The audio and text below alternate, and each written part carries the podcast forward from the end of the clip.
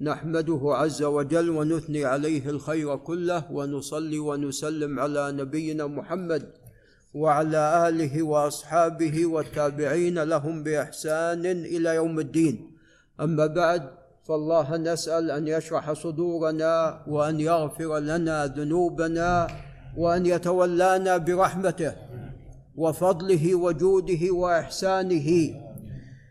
ونصلي ونسلم على نبينا محمد وعلى آله وصحبه والتابعين لهم بإحسان إلى يوم الدين.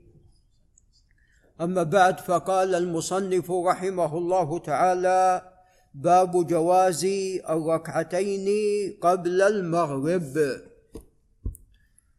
وهذا التبويب فيه استشكال وذلك أن الأولى بالمصنف أن يقول باب استحباب الركعتين وليس جواز الركعتين وذلك لأن هاتين الركعتين عبادة والعبادة مطلوبة. ثم أن الرسول عليه الصلاة والسلام قال صلوا قبل المغرب. ثم أن الصحابة أيضا كانوا يبتدرون السواري يصلون هاتين الركعتين. ف يعني قول المصنف جواز الركعتين هذا فيه استشكال. نعم. يعني الأولى أن يقال استحباب الركعتين قبل المغرب. قال عن أنس رضي الله تعالى عنه قال كان المؤذن إذا أذن قام ناس من أصحاب النبي صلى الله عليه وسلم يبتدرون السواري. لماذا يا أستاذ أبو بكر يبتدرون السواري؟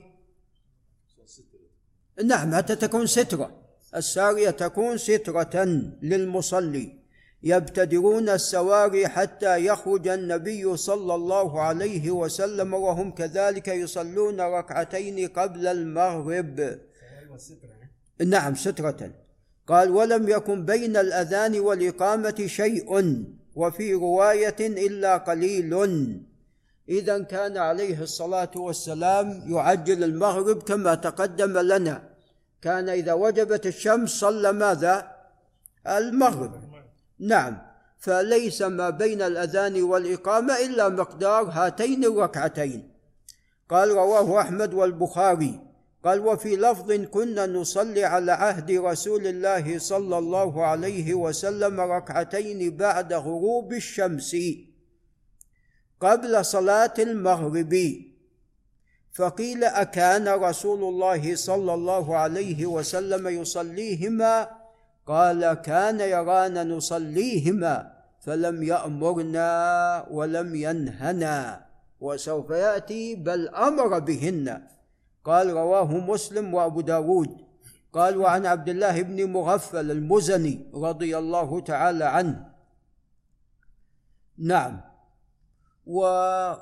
ولماذا يسمون مغفل والتغفيل؟ يعني مذموم في الأصل. نعم. لعلهم يقصدون والله تعالى أعلم. يعني الغفلة غفلتان غفلة مذمومة وغفلة مطلوبة. غفلة مطلوبة وغفلة مذمومة. الغفلة عن طاعة الله ورسوله لا شك إن هذا نعم مذموم. وأن يكون الإنسان أحمق ولا يفهم هذا كله مذموم. والغفلة الثانية هو أن الإنسان لا يتتبع الأمور ولا يبالغ في ماذا؟ نعم في التتبع وفي الأشياء. نعم ويحاسب على كل ماذا؟ صغيرة وكبيرة. نعم. ولذا قيل أن ليس بسيد قومه الغبي وإنما المتغابي. نعم. وإنما المتغابي. ولذا العامة تقول لا تدقق فتتعب. نعم. لا تدقق فتتعب. نعم. قال وعن عبد الله بن مغفل المزني رضي الله تعالى عنه أن الرسول صلى الله عليه وسلم قال صلوا قبل المغرب ركعتين صلوا قبل المغرب ركعتين. ثم قال صلوا قبل المغرب ركعتين ثم قال عند الثالثة لمن شاء لو لم يقل لمن شاء كان أصبحت ماذا؟ واجبة. كان أصبحت واجبة. لكن عندما قال عليه الصلاة والسلام لمن شاء فهي مستحبة. قال بعد الأذان. بعد ما ينتهي الأذان نعم. أي صحيح. قال رواه أحمد والبخاري وأبو داود. قال وفي رواية بين كل أذانين صلاة بين كل أذانين صلاة. يعني المغرب العشاء الفجر الظهر العصر. ثم قال في الثالثة لمن شاء رواه الجماعة. قال وعن أبي الخير عمرو بن مرثد اليزني. قال أتيت عقبة بن عامر الجهني رضي الله عنه فقلت له ألا أعجبك من أبي تميم يركع ركعتين قبل صلاة المغرب كأن أبو الخير اليزني مستنكر. فقال عقبة إنا كنا نفعله على عهد رسول الله صلى الله عليه وسلم. وعقبة رضي الله عنه من علماء الصحابة وكان شاعرا رضي الله تعالى عنه. وله بيت سائر مشهور نسودها ولعل الشيخ أبو إبراهيم ينتبه. نسودها وتبقى ماذا؟ أصولها. نعم. قال ها؟ عقبة بن عامر الجهني. عقبة بن نافع اختلف في صحبته. أما هذا صحابي. قال إنا كنا نفعله على عهد رسول الله صلى الله عليه وسلم. قلت فما يمنعك الآن؟ لماذا ما تصلي الآن؟ قال الشغل. لنتولى الإمارة وانشغل رضي الله تعالى عنه. قال رواه أحمد والبخاري. ثم هو قائد أيضا عقبة بن عامر. آه، في الفتوحات له ذكر رضي الله عنه في المعارك والجهاد. قال وعن أبي بن كعب رضي الله عنه قال قال رسول الله صلى الله عليه وسلم يا بلال اجعل بين أذانك وإقامتك نفسا يعني متنفس وقت.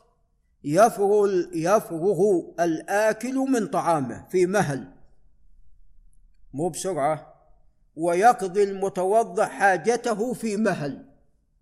قال رواه عبد الله بن أحمد في المسند وهذا فيه ضعف. قال وكل هذه الأخبار تدل على أن للمغرب وقتين. المقصود وقتين يعني وقتها يمتد. من مغيب الشمس إلى غيبوبة الشفق الأحمر إذا غاب خلاص. وأن السنة أن يفصل بين أذانها وإقامتها بقدر ركعتين. قال باب في أن تسميتها بالمغرب أولى من تسميتها بالعشاء. هناك من يسميها العشاء فالمسميات الشرعية استعمالها هو الأولى. ولذا نحن نقول عن العشاء الأخير. الأولى لا نقول الأخير نقول العشاء إلا يعني في بعض الأحيان. ما لم يغلب. قال عن عبد الله بن المغفل أن الرسول صلى الله عليه وسلم قال لا تغلبنكم الأعراب على اسم صلاتكم المغرب قال والأعراب تقول هي العشاء نعم. فقال عليه الصلاة والسلام لا يغلبنكم الأعراب على هذا المسمى على اسم صلاتكم. قال متفق عليه ولعل نقف عند هنا.